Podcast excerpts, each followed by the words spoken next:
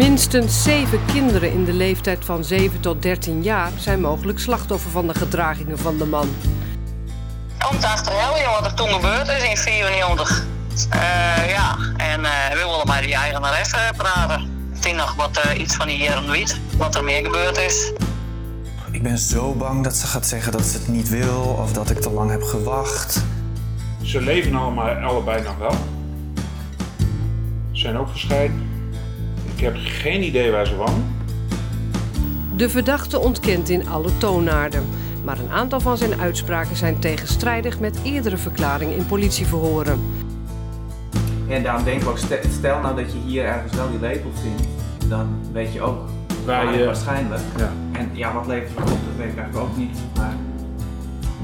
Uitsluitend. Een stukje bevestiging. Ja. Dat, dat we. Dat, ja. Een heel gevoelig dingetje, denk je van, had er wat vindt of niet wat. Ziekeljacht, ziekeljacht, een tjuster. Oké, hij loopt. Uh, het zijn allebei goed verstaanbaar. Jemig, ik ben echt zo zenuwachtig. Ik hik hier eigenlijk al, ik denk een jaar um, tegenaan. Omdat ik het telefoonnummer van uh, Riki de Weert heb gekregen. Ik weet eigenlijk niet eens zeker of het het nummer van Riki is of van haar zoon Chris. En uh, Riki was uh, in 1995, uh, natuurlijk samen met haar partner, eigenaresse van camping Dianaheide. En um, ja, ik wil natuurlijk graag meer weten over wat er is gebeurd en wat zij zich kan herinneren van die periode, met name het jaar 1995, maar ook uh, van eigenlijk alle dingen die er gebeurd zijn op die uh, camping. Is het vaker gebeurd en zo ja, wat weet zij daar dan van? Ik ben zo bang dat ze gaat zeggen dat ze het niet wil of dat ik te lang heb gewacht. Of ja, dat ze het gewoon niet aandurft. Dat ik het niet mag opnemen, bijvoorbeeld. En of ik dat begrijp of niet begrijp, dat weet ik eigenlijk niet. Ik denk het wel. Maar goed, wat heb ik te verliezen?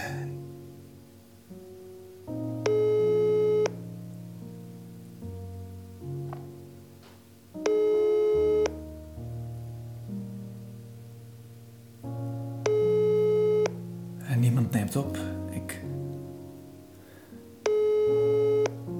hoop dat ik de voicemail kan inspreken. Goedemiddag, uh, Riki of, uh, of Chris.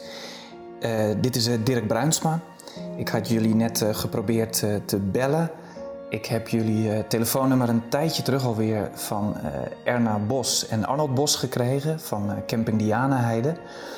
En um, ja, ik, ik ben um, inmiddels 36 en toen ik 10 jaar oud was en mijn jeugd heb ik bij jullie op de camping gestaan met echt ontzettend veel plezier. Alleen in het allerlaatste jaar, in 1995, de laatste dag die camping, is mij daar iets overkomen.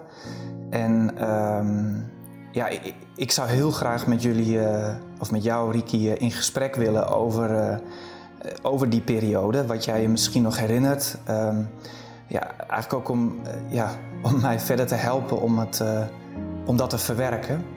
Erna liet weten dat ik je wel kon bellen. Ik heb daar een tijdje mee gewacht, omdat ik er denk ik nog niet helemaal klaar voor was.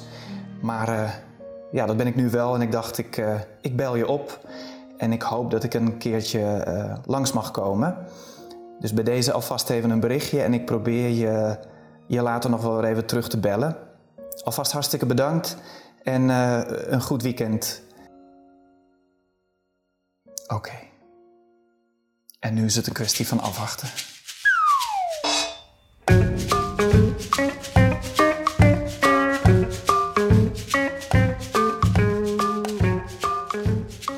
We spoelen even terug in de tijd. Ik plaatste op 3 januari 2021 een vraag op Facebook of iemand de naam van het moeras wist, dat ten noorden van Camping Dianaheide ligt. Dat leverde maar liefst 56 reacties op. Mensen begonnen elkaar te taggen en voor ik het wist was ik in contact gekomen met Anja Ferbers van Landschapsbeheer Drenthe. En zij wist mij meer te vertellen over de historie van het moeras en stuurde schitterende landschapskaarten op. En werd Erna Bos in een reactie getagd. Die reageerde dat het in de buurt van de camping de Meeuwenplas werd genoemd. En zo zat ik samen met Doetie binnen een paar klikken aan tafel met Erna en Arnold, de huidige eigenaren van Camping Dianaheide in Amen. Heel los van die, dat moment, eh, dat schreef ik ook al, wij hebben hier echt een fantastische tijd gehad uh, op de camping. Uh. maar het, vorig jaar was het ook zo druk. Ja. Ik bedoel, nou, toen met die corona was het ook echt. Toen stonden we hier ook bommetje vol. Dus dat. Uh, ja. Ja, en dan hier ook, ja, voor zover mogelijk, wat het allemaal hier. Kijk, je ziet al, dat zijn minder tafels. Het zijn er 6, 7. Terwijl we er normaal 10 kunnen hebben. En op de. buiten op terras net zo, dus. ja. Ja. Dan zit je al gauw vol, hè? Ja, ja, precies. Ja. De snackbar. Ja. Po. Die gaat snel zeker. Ja, ja. en, en s'avonds dan, hoe, die rijden met ijsjes. Ja. Oh ja. Het is echt... Uh, maar goed, die was ook een keer zo lang omdat men op afstand moest uh, staan. En dat deed, dat deed men ook allemaal, hè? Ja. Alhoewel ik Erna in de mail uitgebreid geïnformeerd heb over wat er met mij is gebeurd in de zomer van 1995, blijven we vrij lang over koetjes en kalfjes praten. Hoe de camping eruit zag in die tijd. Dat de camping daarna vrij hard achteruit is gegaan. Dat er veel verbouwd is. En dat ze zelf in deze omgeving opgegroeid zijn. Geboren in Rolde, in Assen naar school. Alfred pakt een oude kaart van de camping erbij. Zo moet het er in 1995 uitgezien hebben, vertelt hij. De kaart staat overigens ook op de website zwanemeerpodcast.nl. Alhoewel de camping volledig op de schop is gegaan, is de Meeuwenplas nooit veranderd. En zo ook het pad tussen de camping en de plas. Precies. Weten jullie van wie dat dan wel is? De, het pad is van de boer Marke. En uh, Wat grappig. Ja. de plas zelf, de Meeuwplas zelf, die is van 50 verschillende eigenaren. dat is echt... dat, dat, want dat is een oude veenplas, ja. of die door uh, turfsteken. Uh, dus er lopen allemaal zulke oh, stukjes eigendom. Ja. Oh, want nou, dit stukje daar, boer A die stak daar de turf en boer B die stak daar de turf. Wat grappig, ja. En, de, de meelplas is uh, van oorsprong waren dat mensen uit Grollo of Assen die daar turf staken. Ja. Er zijn zes van die plassen hier. Dan is het dus geen pingo-ruïne, toch? Nee. Nee, het is echt een turfgestoken ja. uh, diepte. Ja. ja. En, en zo is die plas ook ontstaan. Zo is die plas ontstaan en zo zijn er dus meerdere van die plassen hier. Ja, precies. Ik scheid 10.000 kleuren. Waarom is het zo moeilijk om die ene vraag te stellen? Erna en Arnold zijn warm en gastvrij. Ik heb het gevoel dat ze mij op mijn gemak willen stellen en ze nemen de tijd om al mijn vragen te beantwoorden. Of er in de plas gezwommen wordt, of het in de zomer drassig is aan de rand van het meer, wanneer ze zelf voor het laatst naar het meer zijn gegaan. Tot ik de vraag stel die op mijn tong ligt te branden. Die eigenaar van toen, van 95, ja. Weten jullie wie dat is?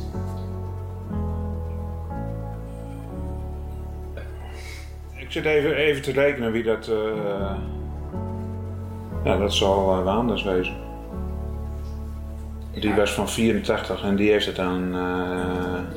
Ja. Ze leven allemaal, allebei nog wel. Ze zijn ook gescheiden. Ik heb geen idee waar ze wonen. Dus, maar ik kan wel uh, even vragen of uh, het goed is dat. Uh, zijn zoon uh, die doet hier nog wel eens een keer wat. Oh. zoon. En daarom weet ah, dit, dit wist ik ook nog niet dat hij mij... Wil je het wel weten? Die vraag wordt me vaak gesteld. Ik antwoord dat ik sterk genoeg ben om de waarheid recht in de ogen te kijken. Ik wil in ieder geval niet meer oneindig dezelfde rondjes lopen in mijn geheugen op zoek naar antwoorden. Ik wil het afsluiten. En erover praten helpt, ook in deze podcast. Mijn zusje Doetie was zo slim om te bedenken dat de kromgetrokken lepel, die ik in het pad had begraven, daar misschien nog wel zou liggen. Het lijkt onwaarschijnlijk omdat de camping op de schop is gegaan en omdat er al eerder mensen met een metaaldetector hebben gezocht. Maar ik wil het toch proberen. En dus vraag ik. En wat ik heel graag zou willen. Is, maar ik begrijp wel dat dat, dat, dat wel mag, omdat dat buiten het terrein is. Maar ik denk, ik vind het wel netjes om jullie te vragen. Is met een, uh, een bekende van mij die een metaaldetector heeft, toch eens te kijken of die lepel daar nog ligt. En ik denk niet dat we die gaan vinden. dat denk ik ook niet. Je weet het niet. Als het paard nog steeds het paard hetzelfde Een paar weken later ga ik met Jos Kastelein, die net een metaaldetector heeft gekocht, terug naar camping Dianaheide om uit te zoeken of de kromgetrokken lepel terug te vinden is. Want als ik die lepel vind, dan zou ik tastbaar bewijs in handen hebben. Ik zou me een winnaar voelen. De lepel een medaille voor de race die ik loop. Ik ontmoet Jos op de parkeerplaats van de camping en we lopen over de lege camping naar het pad aan het moeras. Wel achterkam in die tier, dat is een heel, een heel gevoelig dingetje, denk je van, had er wat vindt of niet was. Ja, even dat. Bij Jesthoek dan, is niet... Ja, daar zit een... Uh...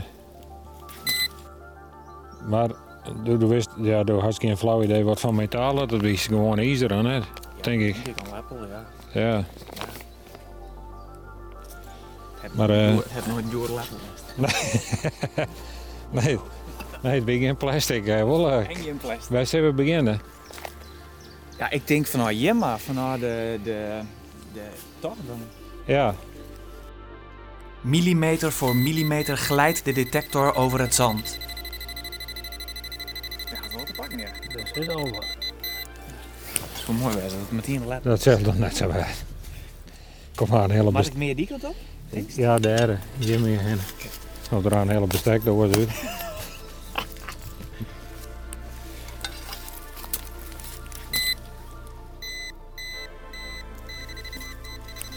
na piep graven we ijzer op. Een bierdop, Hier wij. Ja. nog een bierdop. Een spijker. Een haring.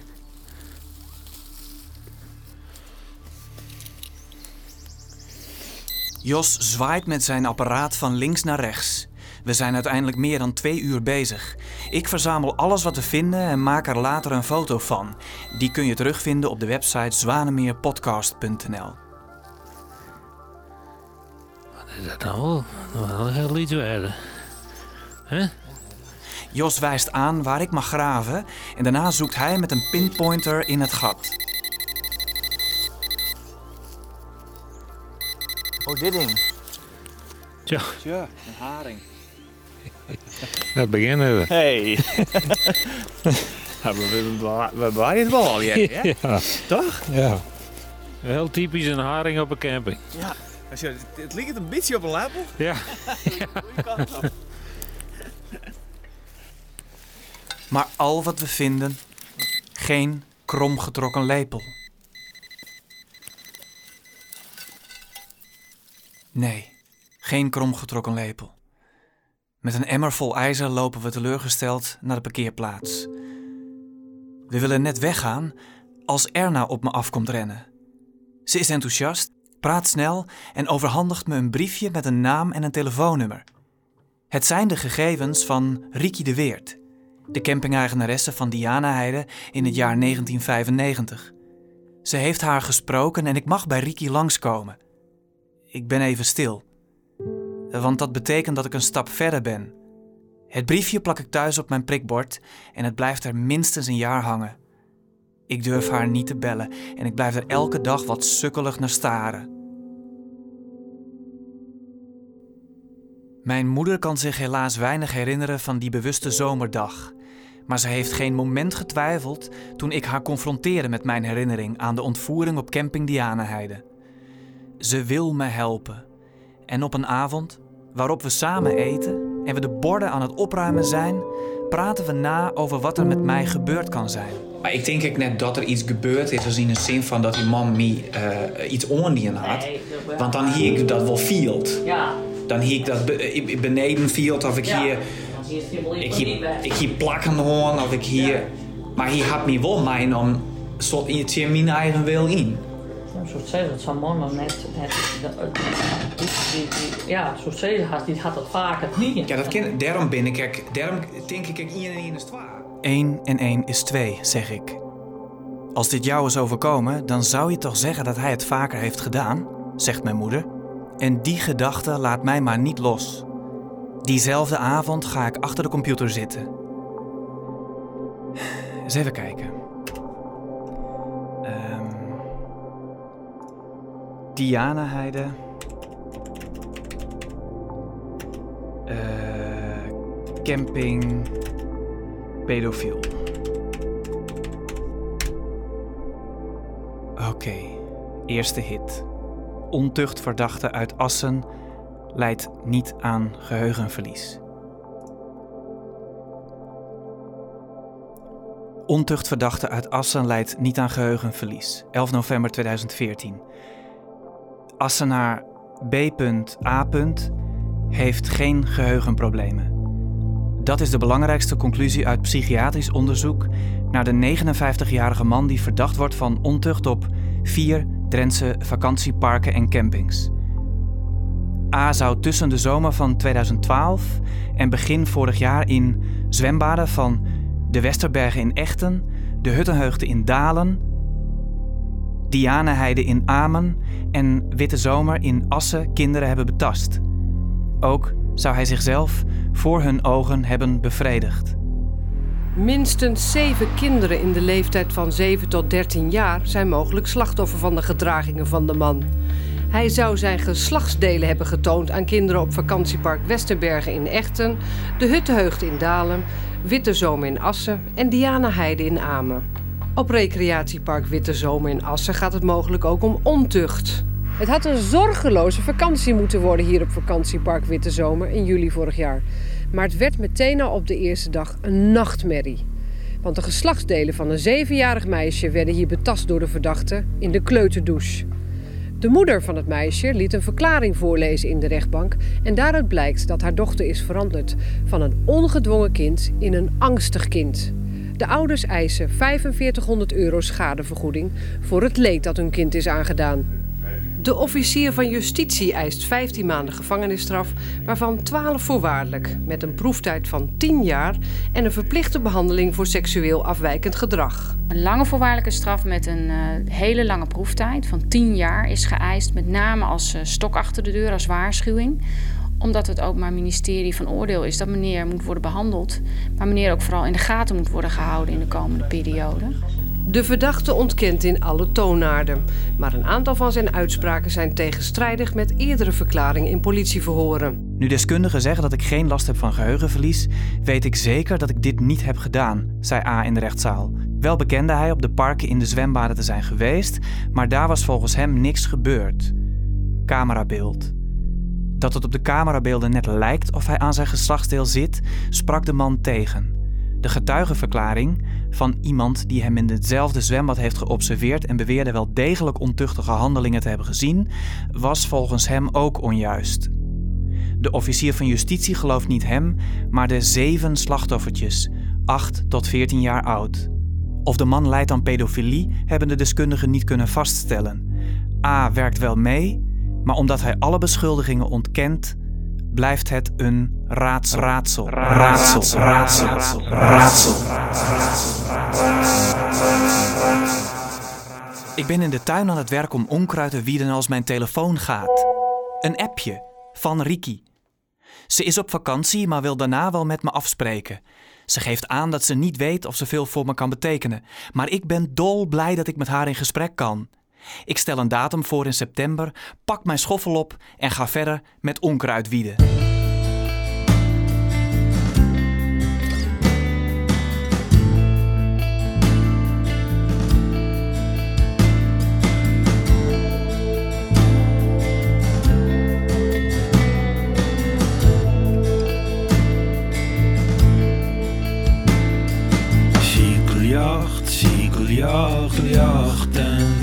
zerstören.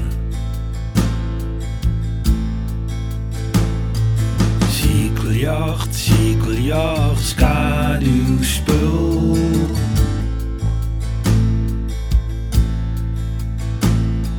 Siegeljacht, siegeljacht, zit verstopt.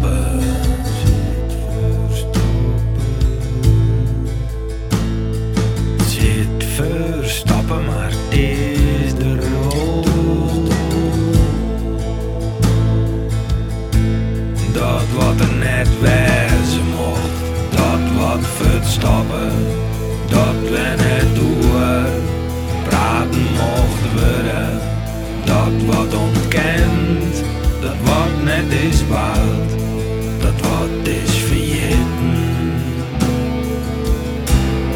Ja, dat zonder waar.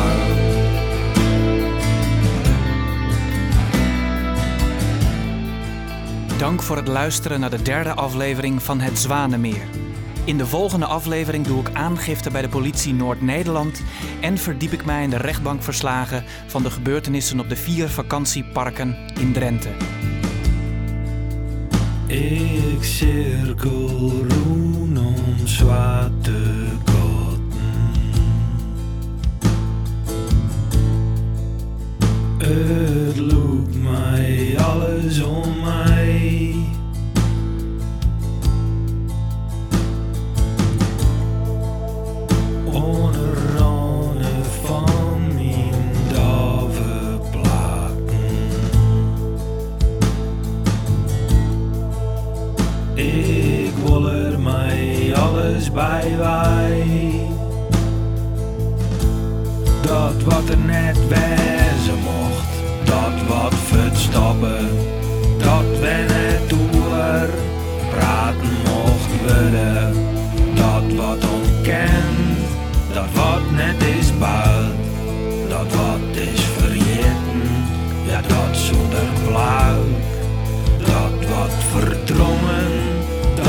Wat verdraait, dat wat verdrukt, ja dat wat verklaait, dat wat geheim weer, dat wat verstikt, dat wat verzwegen,